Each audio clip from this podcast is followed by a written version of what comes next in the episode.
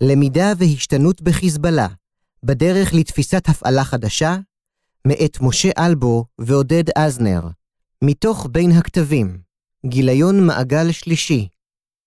מבוא ציטוט כוחות ההתנגדות יכולים לפגוע בכל מטרה בישראל כאשר יפרוץ עימות צבאי. מספר הטילים המדויקים של ההתנגדות הוכפל בשנה האחרונה, ומטרתנו היא לכסות את כל שטח פלסטין הכבושה, כך שאם נרצה לפגוע באויב בדיוק, נהיה מסוגלים לעשות זאת.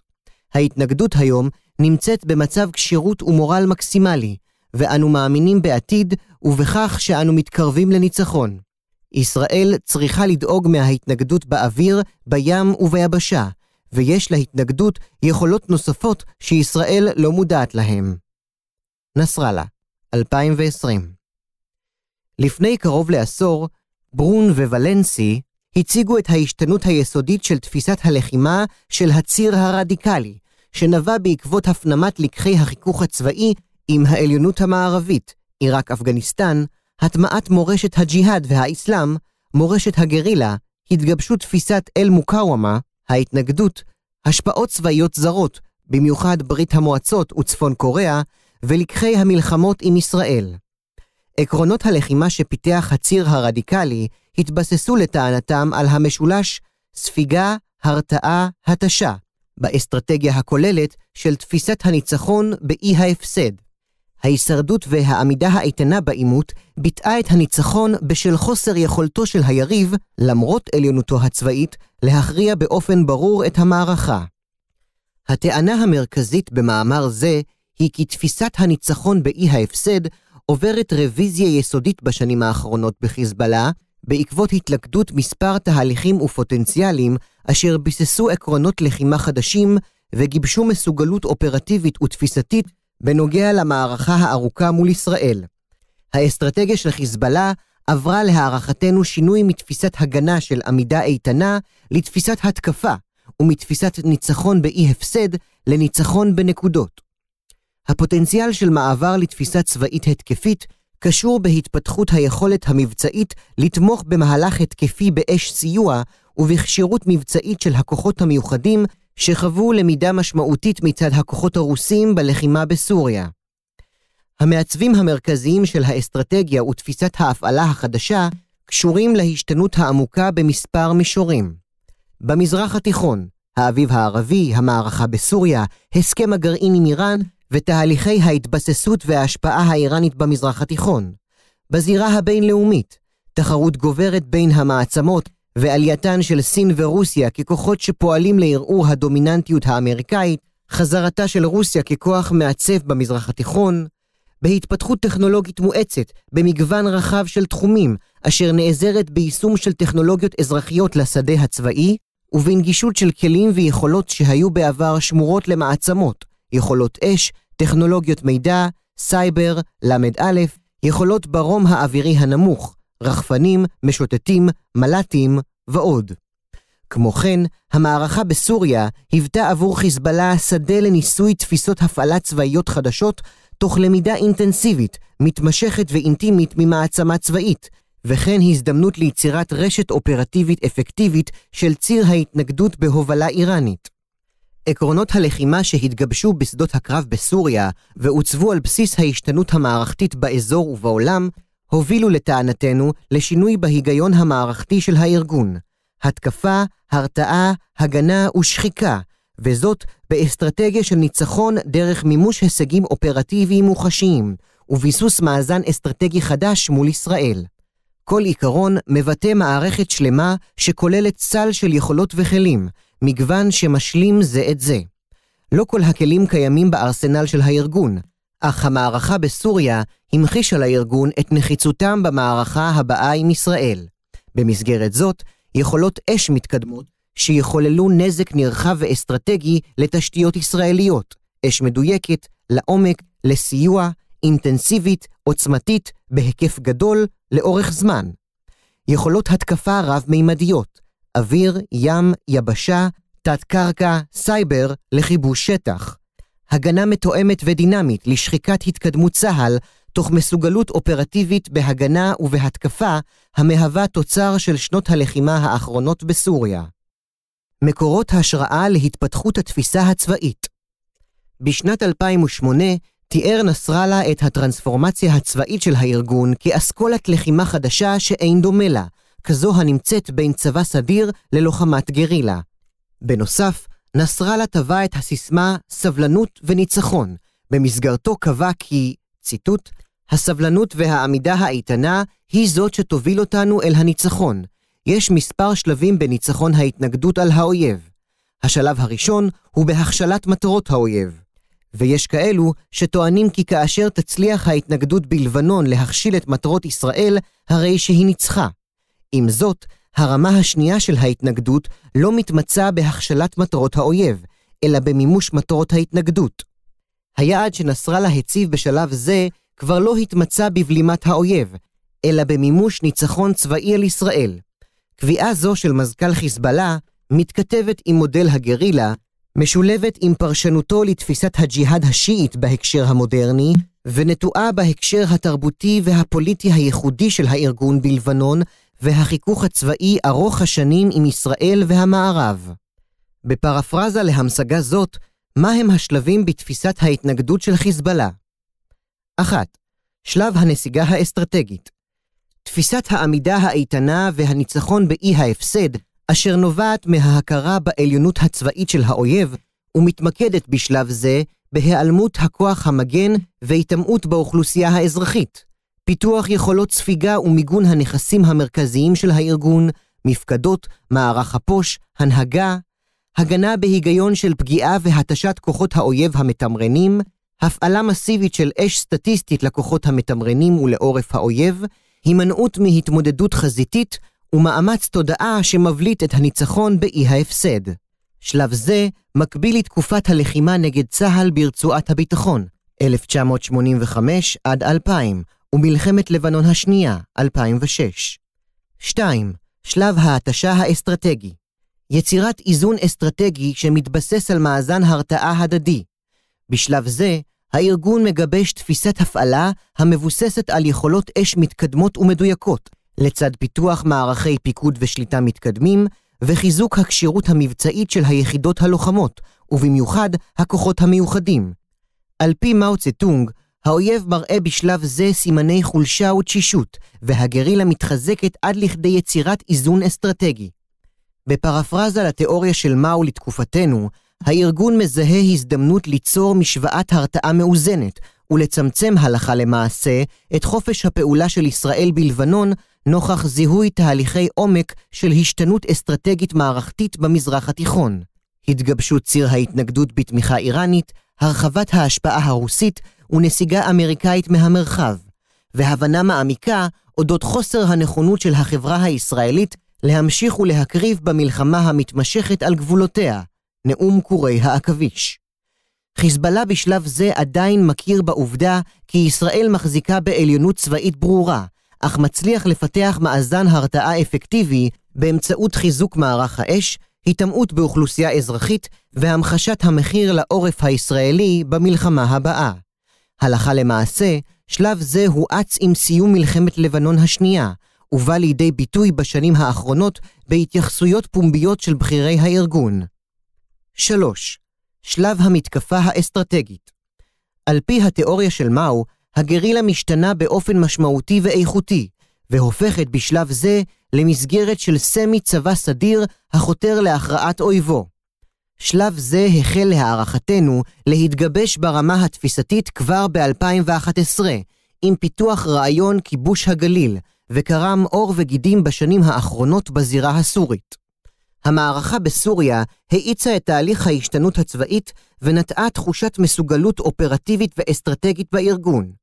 ההשתנות האסטרטגית, טכנולוגית, אזורית ובינלאומית והניסיון האופרטיבי שנצבר בשנות הלחימה האינטנסיבית בסוריה לצד רוסיה והציר, הובילו להערכתנו לבחינה מחודשת של הארגון את האסטרטגיה ואת תפיסת ההפעלה שלו מול ישראל. התגבשות ציר ההתנגדות נגד ישראל ציטוט ציר ההתנגדות חזק ויציב, הוא לא ייפול, ולא יובס ולא ילך לאחור. במצב של תוקפנות ישראלית כלפי לבנון או סוריה, המלחמה לא תוגבל למדינות אלו בלבד.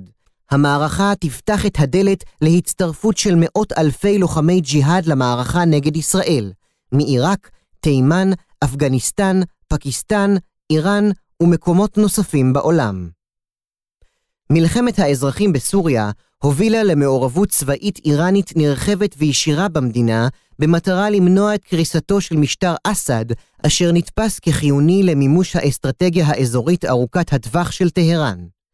החזון של יצירת מרחב השפעה איראני מאיראן דרך עיראק וסוריה ועד לבנון, תוך הבטחת התמיכה והסיוע לחיזבאללה, נסמך על יציבות החוליה המקשרת הסורית.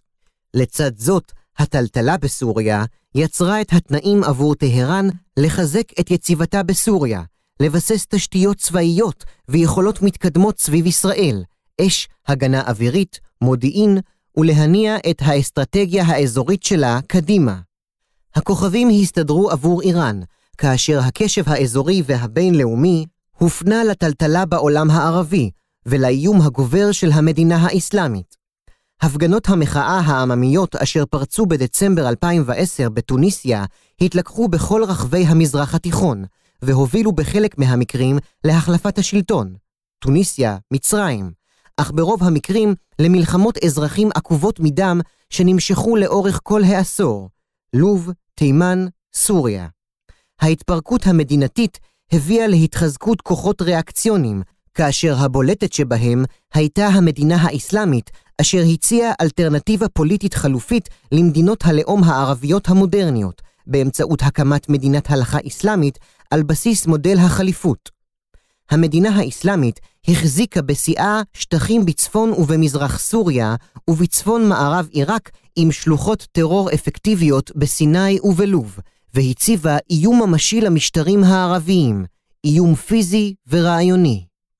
הקיצוניות האידיאולוגית, הטרור הרצחני והאתגר ליציבות המשטרים הערביים הוביל להתערבות המעצמות שביקשו לשמר את האינטרסים הגאו-אסטרטגיים שלהם באזור, לבלום ולהכיל את הטרור במזרח התיכון, כך שלא יגלוש לזירה הבינלאומית, ולמנוע תהליכי התפרקות שעלולים היו להוביל לגלי הגירה גדולים של פליטים. ארצות הברית הובילה קואליציה בינלאומית להכרעת המדינה האסלאמית בעיראק ובסוריה ביוני 2014, ורוסיה נחלצה לסייע לבעלת בריתה האזורית, סוריה, בספטמבר 2015. סדר העדיפויות של ארצות הברית ושל אירופה התמקד במערכה בדאעש ולא באיראן, אשר ניצלה זאת היטב. בנוסף, הסכם המעצמות על תוכנית הגרעין האיראנית שנחתם בווינה ביוני 2015 בין איראן לחמש החברות הקבועות במועצת הביטחון של האו"ם והאיחוד האירופי, הקל על הסנקציות שהושתו על טהרן בתמורה למהלכים להגבלת תוכנית הגרעין, ואפשר למשטר האיראני להתמקד בהרחבת השפעתו האזורית לעיראק, סוריה, לבנון ותימן. כך, איראן הצליחה בחסות המערכה האזורית והבינלאומית נגד המדינה האסלאמית לקדם שני מאמצים מרכזיים. השפעה על המצב הפנימי בסוריה, במטרה לקשור אותה לאיראן לטווח הארוך, ובכלל זאת הסכמים כלכליים, העברת אוכלוסייה שיעית לסוריה ובניית מיליציה שיעית סורית על בסיס המודל של חיזבאללה הלבנונית. שנית, החמרת האיום על ישראל באמצעות הרחבת החזית מול ישראל מלבנון לסוריה, על ידי התבססות צבאית וביסוס יכולות אש ומודיעין מתקדמות. מרכיב נוסף באסטרטגיה האיראנית של העצמת האיום על ישראל וחיזוק מאזן ההרתעה התבטא בפרויקט דיוק הטילים של חיזבאללה בלבנון. ב-2016 השתנה דפוס הפעולה מהברחות טילים מדויקים להסבת רקטות לטילים מדויקים בלבנון באמצעות העברת רכיבי דיוק והכוונה מאיראן ורקטות ממכון סארס למחקר מדעי בסוריה. העברת הרכיבים התבצעה בציר היבשתי, מעברי הגבול הרשמיים בין סוריה ללבנון, בציר האווירי, טיסות אזרחיות הנוחתות בביירות, ובציר הימי דרך נמל ביירות. הקמת אתרי ייצור והסבת רקטות על אדמת לבנון בהובלה איראנית היוותה חלק מאסטרטגיה מערכתית צירית שהתגבשה בשנות המלחמה בסוריה, נוכח הפוטנציאל של זמינות והטמעה של טכנולוגיות דיוק מתקדמות במערכי האש הקיימים של חיזבאללה והציר, וכן נוכח הקושי המבצעי בסיכול העברות ציוד אלקטרוני וידע והמורתעות של ישראל מתקיפה בלבנון נוכח הסיכון מהידרדרות למלחמה כוללת. ארכיטקטורת ההתנגדות שעוצבה על ידי מפקד כוח קודס, הגנרל קאסם סולימני, עדיין תפסה את חיזבאללה כקצה המבצעי האיכותי של המערכה, אך לראשונה הארגון שולב במסגרת תפיסה רחבה ומערכתית של כוחות ויכולות שניתן היה להפעיל נגד ישראל. המענה של ישראל היה בפיתוח המערכה בין המלחמות, בתקיפת ההתבססות האיראנית בסוריה, וסיכול העברת יכולות הדיוק ללבנון, תוך ניסיון להימנע מהסלמה שתוביל למלחמה כוללת. חיסולו של סולימני על ידי ארצות הברית פגע ביכולת של איראן להוציא לפועל את התוכנית, אך לא שינתה את מחויבותה לה ולא את האסטרטגיה הרבתי שלה. פוטנציאל נוסף בהקשר מקביל שמעצים את האסטרטגיה של ציר ההתנגדות, קשור לזליגת מהפכת טכנולוגיות המידע בעניינים צבאיים למדינות וארגונים במזרח התיכון. ההשפעה והנוכחות הגוברת של רוסיה וסין במזרח התיכון האיצו את הכניסה של טכנולוגיות נשק ויכולות מתקדמות לאזור, כחלק מאג'נדה ברורה של דחיקת ארצות הברית במסגרת התחרות על רכש אמצעי הלחימה, ורצון רוסי וסיני לבסס השפעה. תהליך זה יסכן את היכולת של ישראל להקרין כוח באזור, להחזיק בחופש פעולה מבצעי בזירות השונות ולשמר עליונות צבאית בעימותים הבאים. יתרה מזאת, ניסיון הלחימה המשותפת של חיזבאללה לצד שחקן מעצמתי, רוסיה, בשדות הקרב בסוריה, המחישה לארגון את הביטויים האופרטיביים של הפוטנציאל הטכנולוגי, אש מדויקת, שימוש במל"טים ורחפנים לתקיפה ולאיסוף מודיעיני, יכולות ל"א, מודיעין מלווה מבצעים, יכולות סייבר ועוד. ולא פחות חשוב מכך, את הצורך להתאים את הפוטנציאל לתפיסת הפעלה חדשה. שיתוף הפעולה בין רוסיה נתפס בעיני הארגון לא פחות מנכס אסטרטגי. המעורבות הצבאית בסוריה ציטוט סוריה היא עמוד השדרה של ההתנגדות ובסיס התמיכה שלה. ההתנגדות לא יכולה לשבת בחיבוק ידיים כאשר עמוד השדרה שלה פגיע והתמיכה נשברת, כי אז נחשב כלא פחות מטיפשים. טיפש הוא זה שעומד ללא ניע וצופה במותו הקרב, במצור המתרגש עליו ובקונספירציות סביבו. זאת תהיה אכן טיפשות. האדם הרציונלי יפעל באחריות מלאה. המעורבות הצבאית של חיזבאללה במלחמת האזרחים בסוריה, אשר החלה כבר ב-2012, הפכה לגלויה בנאום שנשא נסראללה לרגל חג ההתנגדות והשחרור. מזכ"ל חיזבאללה הדגיש כי ההתערבות הצבאית במלחמת האזרחים בסוריה מבטאת את מחויבות הארגון ליציבות המשטר הסורי, ובחירה אסטרטגית לא לעמוד מנגד, אלא לסייע בהגנה על בעלת הברית המרכזית שלו. המהלך של חיזבאללה הוצג כביטוי לאחריות של הארגון להגן על לבנון ולמנוע את זליגת הטרור והאנרכיה למדינה, והוגדרה כאינטרס מובהק לביטחון הלאומי הלבנוני. המעורבות של חיזבאללה בקרבות התחילה כאמור כבר ב-2012, וכללה בשיאה בין 7,000 ל-10,000 לוחמים שהשתתפו בקרבות הבלימה וההשתלטות מחדש על השטח שנכבש על ידי דאעש, אל-קאעידה וכוחות האופוזיציה הסוריים. לחיזבאללה היו אינטרסים ברורים בהצטרפות ללחימה. שימור סוריה כתווך מרכזי להעברות אמל"ח וסיוע צבאי, החשש מניתוק הארגון מהעורף הלוגיסטי האיראני, ההשלכות המערערות ללבנון בכלל ולחיזבאללה בפרט באירוע קריסה של המשטר הסורי, שמירה על נכסים ותשתיות פעולה של הארגון בסוריה. המעורבות הצבאית של חיזבאללה הייתה מכרעת בבלימת הקריסה של המשטר, בהיפוך המגמה בחזיתות השונות, ובתהליך ההשתלטות מחדש על המדינה. חיזבאללה היווה לא רק כוח צבאי מוביל, אלא הצליח למצב את עצמו ככוח מארגן ומכשיר של המאמצים והכוחות הצבאיים שהשתתפו בלחימה. כך למשל, הובלת תחום ההכשרות והאימונים למיליציות ולמגויסים סורים אפשר לו למנף זאת לטובת חיזוק הקשרים הבין-ארגוניים והידוק שיתופי הפעולה עם הצבא הסורי, המיליציות השיעיות ורוסיה. במהלך שנות הלחימה במלחמת האזרחים בסוריה, הפיק הארגון לא מעט תובנות אופרטיביות וטקטיות, חשיבות הפוש, עקרונות בקרב התקפה והגנה, כיבוש שטח והחזקת שטח, ניהול קרב הגנה והתקפת נגד, תיאום אוויר יבשה בקרב הגנה והתקפה, תיאום מבצעי עם כוחות עמיתים, מודיעין מלווה מבצע בהקשר מערכתי, סיוע אש מדויקת לכוח מתמרן ולניהול קרב התקפה.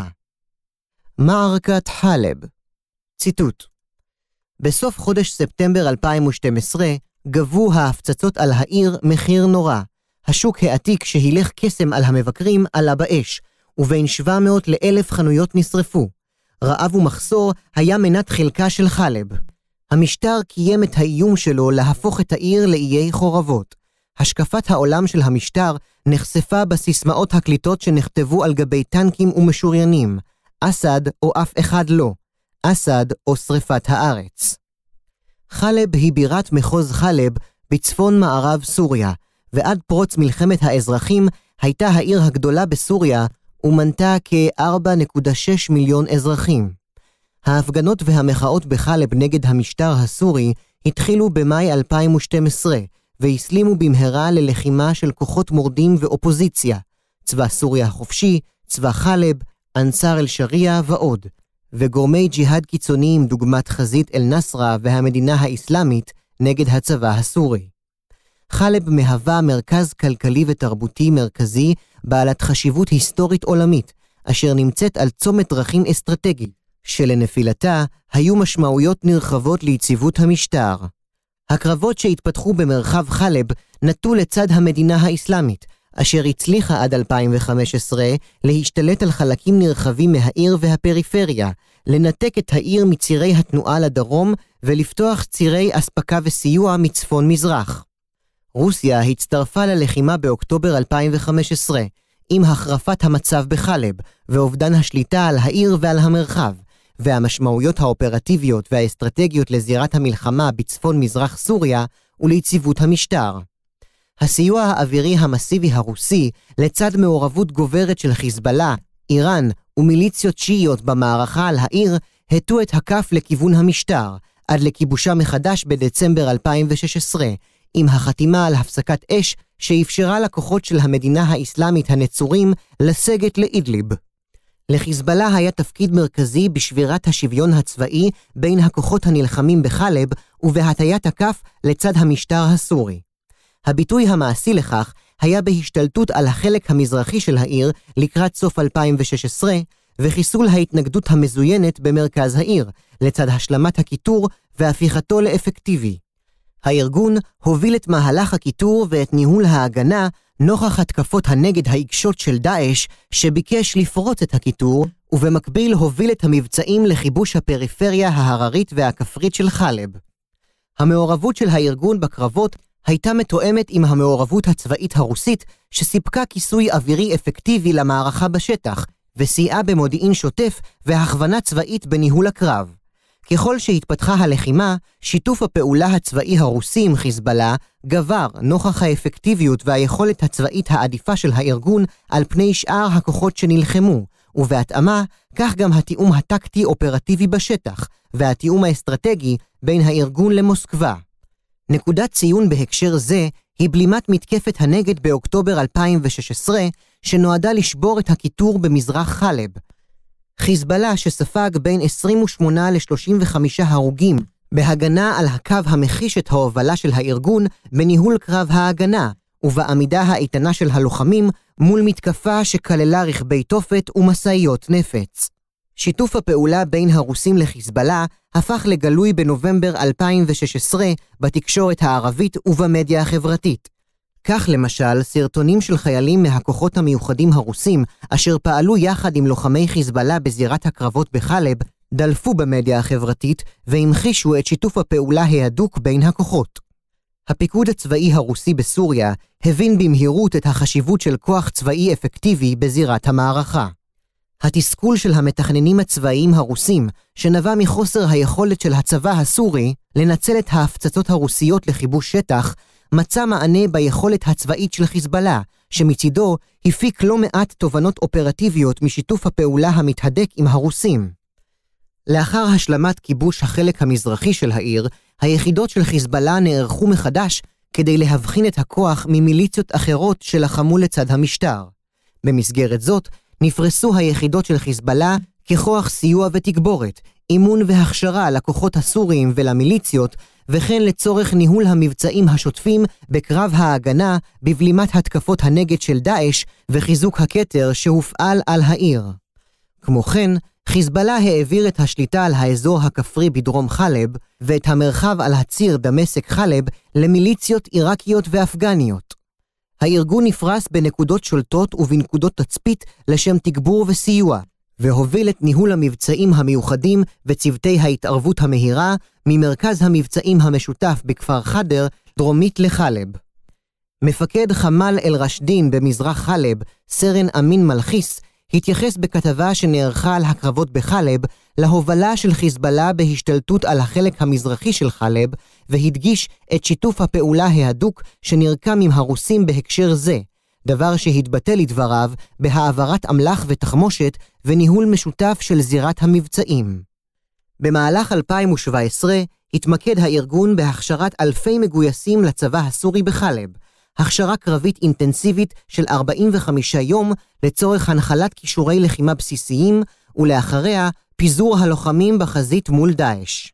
גיוס החובה שהוטל על הצעירים הסורים לצד ההכשרה הצבאית שהוביל חיזבאללה, הצליחו להטות את הכף במערכה הכוללת על חלב, כאשר כעשרת אלפים לוחמים סורים חדשים הוטלו במהלך 2017 ללחימה על העיר והפריפריה שלה.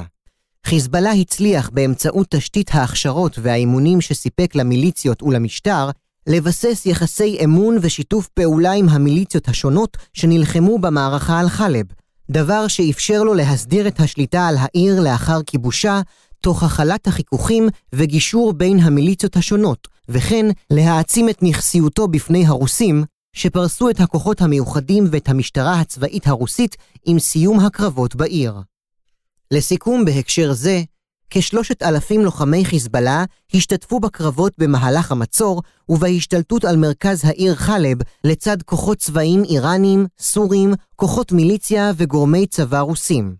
המערכה הארוכה בחלב ביססה את מעמדו הצבאי של הארגון במשולש של סוריה, איראן, חיזבאללה, הידקה את קשריו עם המיליציות העיראקיות, האפגניות והכורדיות, ויצרה חיבור אסטרטגי עם רוסיה ברמת ההנהגה וברמה האופרטיבית-טקטית.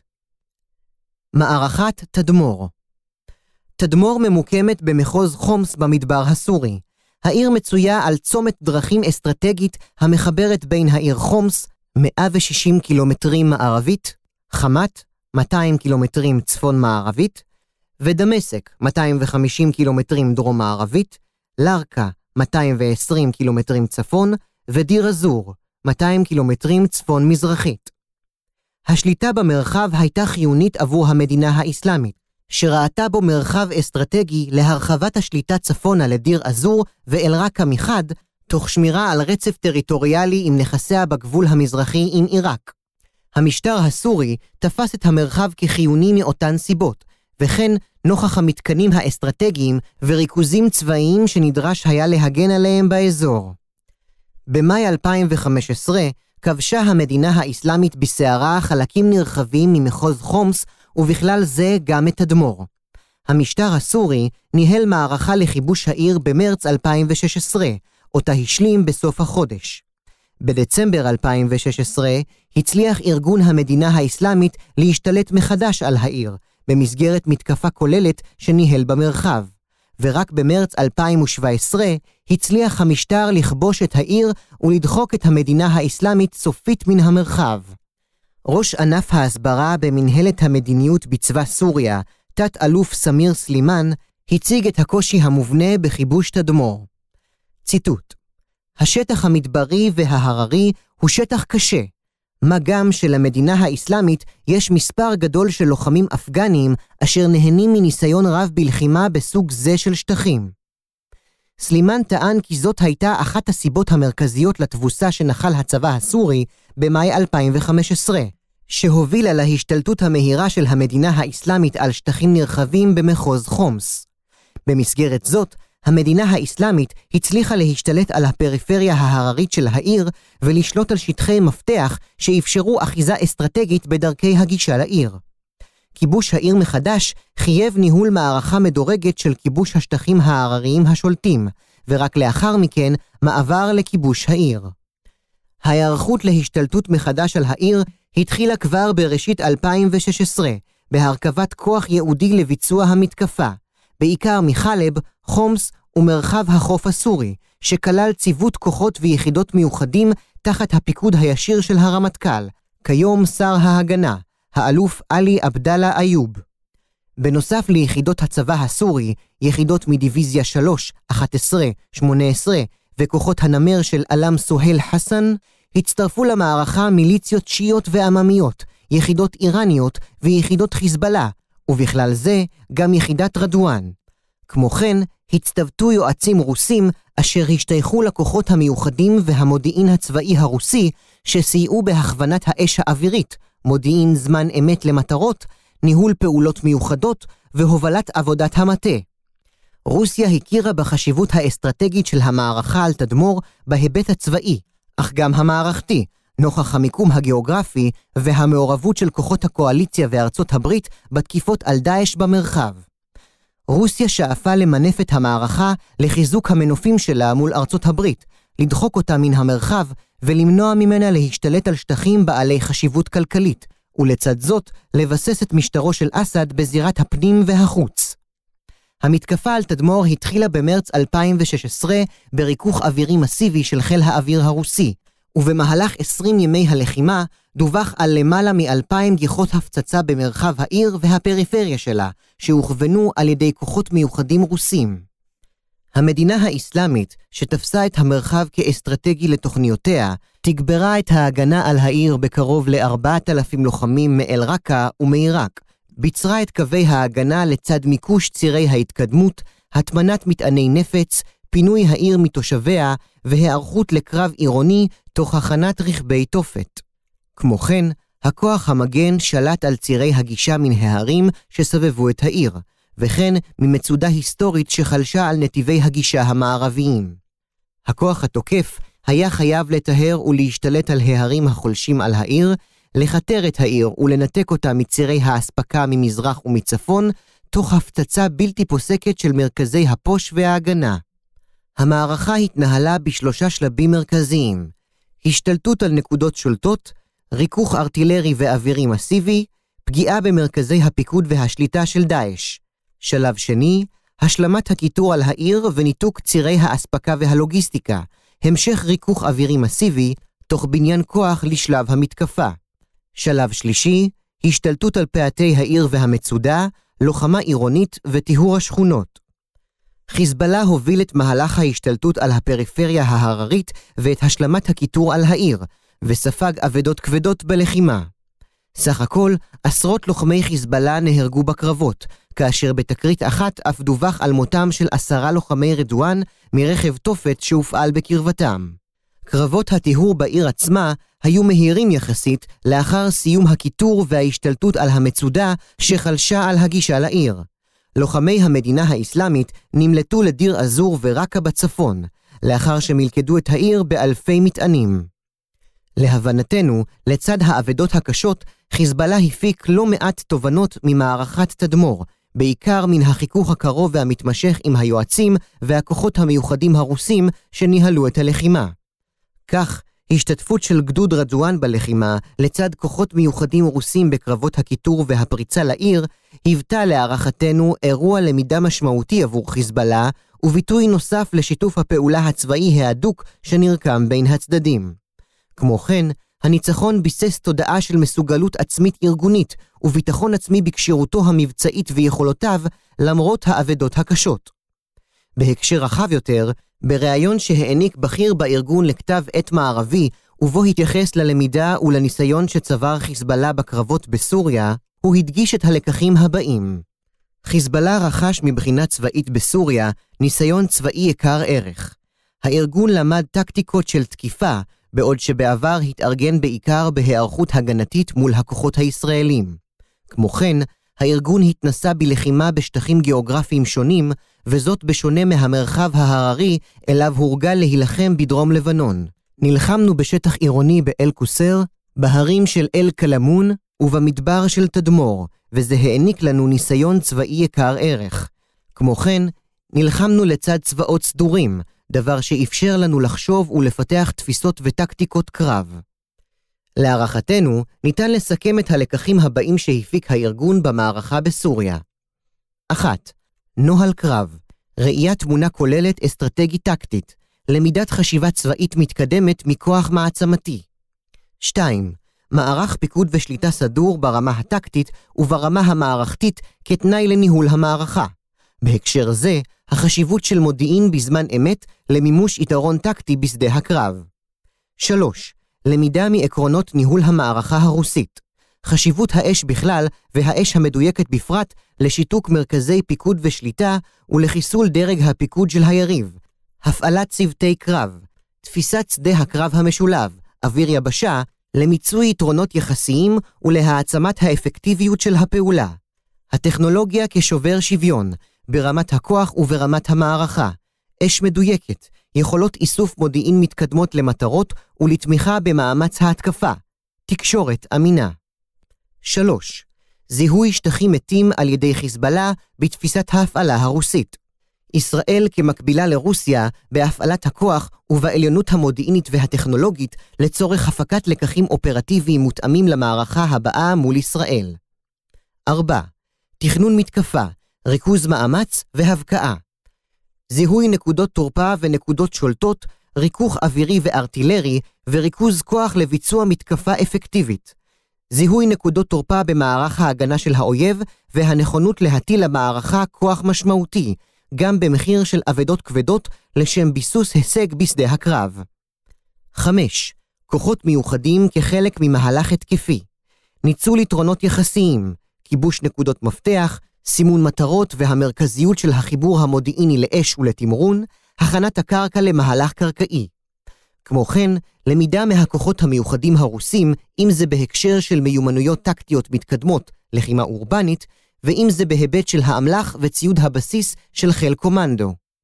אדמסקי טען בהקשר זה, כי להערכתו, התובנה המרכזית של חיזבאללה משיתוף הפעולה האינטנסיבי עם הכוחות הרוסיים במערכה בסוריה, הוא באימוץ תפיסת תשלובת המודיעין מהלומה, על ביטוייה המרכזיים.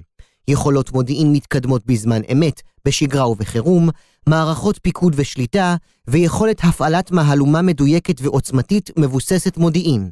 על כך נרחיב בהמשך. השתנות מערכתית בדרך לטרנספורמציה צבאית? המחקר הפסיכולוגי תופס את הלמידה כתוצאה של ניסיון סובייקטיבי ושל תהליך התנסות יישומית. לקחים נקנים על ידי עשייה, כלומר באמצעות למידה ישירה ובלתי אמצעית מהתנסויות חיים ממשיות ולא מלקחים תאורטיים המתווכים על ידי גורמים חיצוניים. הלמידה מובילה לשינוי קבוע בהתנהגות ובפעולה של הארגון, ונסמכת על ניסוי וטעייה. בהשלכה לכך, ההשתנות של חיזבאללה במערכה הארוכה בסוריה התבססה על הניסיון הקרבי, על לקחי המערכה, ההפסדים והניצחונות, הלמידה מהרוסים והפנמת ההשתנות הכוללת של מעשה המלחמה. חשוב מכך, חיזבאללה רכש במהלך שנות הלחימה תודעה ארגונית של מסוגלות עצמית שנשענה על הערכת רמת כשירותו המבצעית בהשוואה ליריביו ושותפיו ועל מבחן הצלחותיו המבצעיות שהתבטאו באופן הובלת המערכה הצבאית ובהגשמת היעדים הצבאיים ששם לפניו. בהקשר זה, רף הציפיות אשר התגבש בארגון במהלך המלחמה, סלל להערכתנו את הדרך לתפיסת הפעלה מותאמת שתאפשר קפיצת מדרגה ארגונית וטרנספורמציה צבאית. נכון לשנת 2021, חיזבאללה הוא חוד החנית של הציר השיעי, ובמסגרת זאת משתנה ומתעצם לכדי צבא טרור מודרני במספר רבדים. ברובד התפיסתי, פריצת הגבולות התפיסתיים. בשנת 2013, חיזבאללה אתגר את התואר מגן לבנון, שכן לראשונה הארגון יצא למערכה מחוץ לגבולות המדינה. חיזבאללה אמנם הוציא פעולות טרור חשאיות מחוץ לגבולות בעבר, אך את כוחו הסדור והמאורגן שמר בלבנון, ולמעט אימונים בסוריה ואיראן, לא פעל במסגרות גדולות מחוץ למדינה. בנוסף, לראשונה במערכה בסוריה, חיזבאללה החל לפעול באסטרטגיה של מתקפה שעיקרה כיבוש שטחים, טיהורם מאויב והחזקתם, ולא במגננה. השינוי הפרדיגמטי העמוק בתפיסת ההפעלה של הארגון, כתוצאה מהצורך לתת מענה לאתגרים מתהווים ולאילוצים מבצעיים, ממחיש את יכולתו לבצע התאמות במציאות דינמית ומשתנה. ברובד האסטרטגי, מפקדי חיזבאללה בסוריה ניהלו לחימה בעצימות גבוהה במשך מספר שנים תחת קואליציה בהובלה רוסית שכללה עשרות מבצעים משולבים. בשיאה של הלחימה הפעילו מפקדי חיזבאללה אלפי לוחמים בעשרות מסגרות ברחבי סוריה. מפקדים אלו נחשפו לתהליכי הפיקוד והשליטה של הכוחות הרוסיים, הכוללים הקמת מפקדות, ניהול שרשרת פיקוד ושליטה, מהקרמלין ועד הכוחות בשטח, תכנון אסטרטגי ארוך טווח, תעדוף משאבים בלחימה ועוד. פוטנציאל הלמידה של חיזבאללה מתהליכים אלו, המאפיינים צבאות סדירים בעלי ניסיון רב והיסטוריה קרבית עשירה, הינו ייחודי עבור הארגון, שעד כה התפתח במבודד עם ייעוץ סורי ואיראני וניסיון קרבי מוגבל. בהערכה סבירה, ניתן לטעון שמפקדי חיזבאללה, שחוו בשנים האחרונות את מנגנוני הפיקוד והשליטה ותהליכי התכנון בצבא רוסיה, שמהווים את ליבת בניין הכוח והפעלתו של כוח צבאי, עוסקים כיום בהטמעת העקרונות, המנגנונים והתהליכים הללו בארגון עצמו. הרובד האופרטיבי כשרוסיה נכנסה למערכה בסוריה, בנוסף לכוחות לוחמים, היא הביאה איתה תפיסה אופרטיבית מבצעית שלמה, המכונה תשלובת מודיעין מהלומה. בבסיס תפיסה זאת, ביצוע מהלומות עוצמתיות באש ובתמרון המוכוונות על ידי מודיעין. כוחות חיזבאללה הגיעו למערכה בסוריה עם ידע וניסיון בהפעלת אש מגוונת, לוחמת יבשה, איסוף מודיעין ועוד. למעשה, כוחות חיזבאללה החזיקו ברוב מרכיבי הידע למימוש תפיסת תשלובת המודיעין מהלומה הרוסית, גם אם באופן בסיסי. עם זאת, כוחות חיזבאללה חסרו את הבנת התפיסה ואת המנגנונים להפיכתה לשלם מבצעי אחד, בדגש על תהליכים מבוססי תקשורת בזמן אמת. עם הצטרפות חיזבאללה לקואליציה בהובלת רוסיה, נחשף המטה המבצעי של הארגון לשיטות הלחימה המודרניות של הכוחות הרוסיים, החל מתרגום הרעיון המבצעי לכדי מטרות, לצד תכנון על בסיס מודיעין מדויק וגיבוש צוותי קרב משימתיים, בהתאם לכל משימה. תנאי מרכזי לשלב הבא בטרנספורמציה הצבאית, אותה עובר חיזבאללה, הוא התגבשות והתעצמות רכיבי הפוש, ובדגש על התקשורת והמודיעין.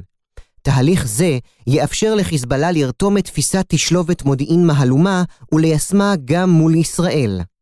הרובד הטקטי במערכה בסוריה נלחמו מפקדי ולוחמי חיזבאללה לראשונה כתף אל כתף עם מפקדים ולוחמים בצבא רוסיה, חלקם אנשי כוחות מיוחדים בעלי ניסיון קרבי עשיר.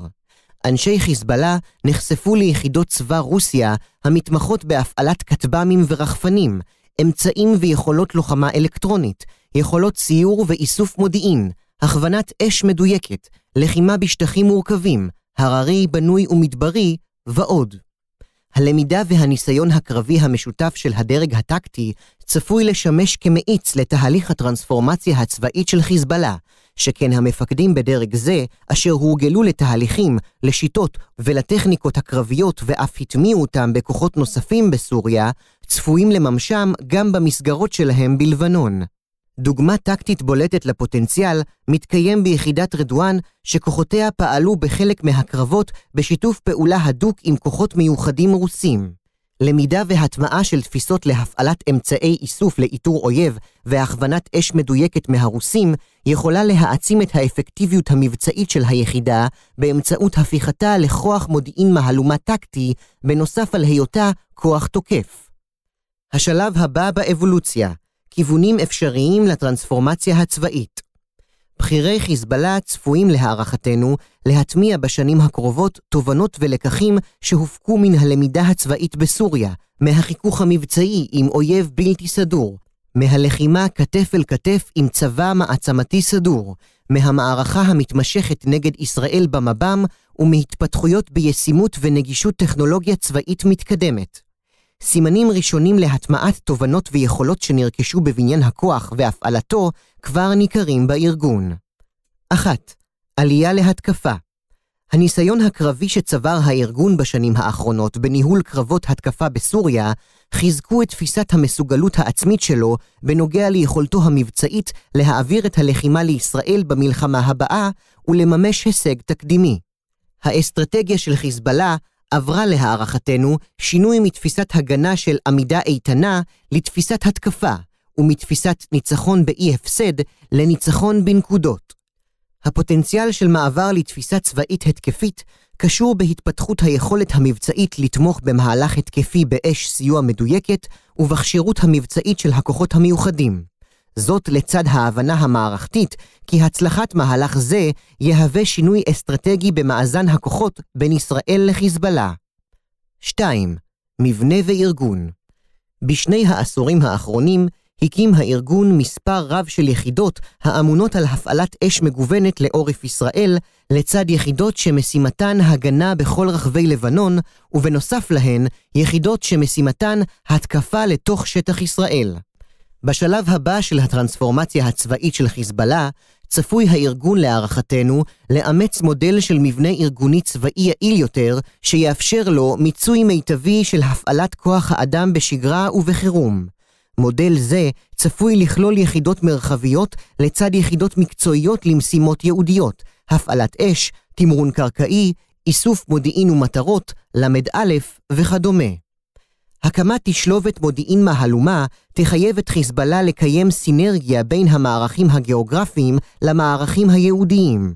במסגרת זאת, חיבור טקטי יעיל בין תצפית קרקעית ואווירית, רחפן, כטמ"ם, לארטילריה וטילים שוללי שטח, נ"ט, מרגמות, רקטות, רקטות מדויקות, יביא למיצוי היכולת במסגרת שלב ההתקפה לשטח ישראל, והן בשלב ההגנה על שטחם. 3. פיקוד ושליטה טרם הלחימה בסוריה, חיזבאללה התאפיין כארגון בעל פוש ריכוזי שכל פעולה צבאית שלו עוברת את אישורו של מזכ"ל הארגון חסן נסראללה, בחיזבאללה התפתח מודל פיקודי היררכי מבוזר יותר, כדי לאפשר שליטה על עשרות אלפי הפעילים המחולקים למספר רב של יחידות, ברחבי לבנון ומחוצה לה. בנוסף, הניסיון הפיקודי-מבצעי שרכשו מפקדים בכירים בארגון, דוגמת פואד שוקר ואיברהים אקיל, החברים במועצת הג'יהאד בתחום הפעלת הכוח בלחימה, סייע להבנתנו במיסוד תפיסה זאת. כדי לקיים תשלובת מודיעין מהלומה, נדרש חיזבאללה להקים מערך מפקדות, תשתיות, מצמרת הארגון ועד לקצה המבצעי בכל יחידה בלבנון ומחוצה לה, מערכי תקשורת שיאפשרו את בניית תמונת המצב מיחידות השטח למפקדות, והעברת הפקודות מהמטה לשטח בלוחות זמנים קצרים ובקצב גבוה. 4. תכנון מבצעי ארגון חיזבאללה מחזיק ככל הנראה מספר תוכניות להפעלת כוח נגד ישראל, לפחות בתחומי הפעלת האש לעורף, והתקפה קרקעית לרוחב גבול ישראל-לבנון. מפקדים בכלל הדרגים של חיזבאללה, שחוו את המלחמה בסוריה, עברו למעשה הכשרה בבית הספר הגבוה למלחמה על ידי צבא רוסיה, וחוו הלכה למעשה את המרכזיות של תכנון קפדני במסגרת מערכה מוסדרת ומדורגת למטרות המתורגמות לקרבות, שמביאה בקצה להישגים מבצעיים. קפיצת המדרגה הבאה בהקשר זה תתבטא בפיתוח היכולת לבצע תכנון פרטני מבוסס מודיעין מדויק מראש, תוך כדי לחימה, כדי לממש הישגים אסטרטגיים ומערכתיים נגד ישראל. מכאן, הערכה סבירה היא שחיזבאללה צפוי לבצע תכנונים מבצעיים לפעולות בשגרה ובמסגרת המב"ם, לטובת השגת מודיעין מדויק אודות נקודות תורפה במערך ההגנה הישראלי, זאת בנוסף לביצוע נהלי קרב סדורים ביחידותיו בשגרה למשימות לחירום ולמלחמה. 5.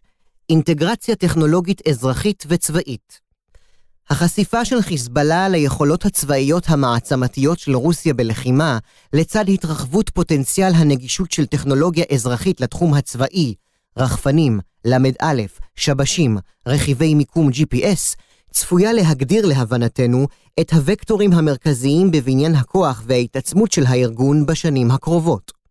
לאמצעים אלו פוטנציאל להגביר את יכולות הדיוק של מערך האש בחיזבאללה, לצד מתן מימד נוסף של נסתרות בשדה הקרב. הארגון צפוי להערכתנו לדייק את יכולות האש הסטטיסטית ככל הניתן גם על בסיס טכנולוגיות אלו על מנת לייצר מהלומות מדויקות וקטלניות, תוך הגברת שרידות פעיליו ומערכיו, וחיזוק היכולת לסייע באש למהלך התקפי, וזאת כדי לממש את תפיסת תשלובת המודיעין מהלומה. סיכום ציטוט הישראלים צריכים להבין שמי שפוגע בקודשי האסלאם לא יתמודד רק עם ההתנגדות של עזה. המשוואה החדשה לאחר העימות האחרון היא שזה שפוגע בירושלים ובמסגד אל-אקצא יתמודד עם התנגדות מזוינת כוללת. עזה הפתיעה את עמיתיה ואת האויב בהחלטתה לצאת למערכה כתגובה למהלכי הכיבוש בירושלים. ההתפתחות ההיסטורית במערכת חרב ירושלים היא שעזה נכנסה למערכה כדי להגן על ירושלים ולא במטרה להגן על עזה. נסראללה, 25 בפברואר 2021 נסראללה לא פספס את ההזדמנות של מבצע שומר החומות למנף את ההקשר הדתי-סמלי הטעון של מסגד אל-אקצא וירושלים. מטרת הנאום הייתה לחזק את ההרתעה ולבסס את הלגיטימציה לקידום מהלך צבאי עתידי נגד ישראל, שחורג מחיכוך סביב גבולות הגזרה של לבנון. בפרפרזה לדבריו, הארגון יוכל לבחור לעבור מהיגיון מצמצם של מגן לבנון להיגיון מרחיב של מגן אל-אקצא, במידה וזה ישרת את האינטרס האסטרטגי שלו. ההשתנות המערכתית שחיזבאללה עבר בעשור האחרון לא קשורה להבנתנו רק להיבט הצבאי, אלא גם להיבט התפיסתי-רעיוני. חיזבאללה כבר לא תופס את עצמו רק כמגן לבנון גרדה, אלא כארגון בעל אסטרטגיה מדינתית ואזורית שפועל לממשה הלכה למעשה. אסטרטגיה זאת, לצד תהליכי בניין כוח והתעצמות, חייבו את הארגון לפתח תפיסת הפעלה מותאמת, להתמסד ולהשתנות ארגונית. תהליך זה מגלם הזדמנות עבור צה"ל בניהול המערכה מול חיזבאללה במב"ם ובחירום. מנגד, הארגון מציב איום אסטרטגי גובר לישראל, בעיקר בתרחיש של הידרדרות למערכה לא מתוכננת ובאובדן היוזמה הישראלית. מה אם כן ההזדמנויות והסיכונים לישראל? הזדמנויות ופוטנציאלים 1.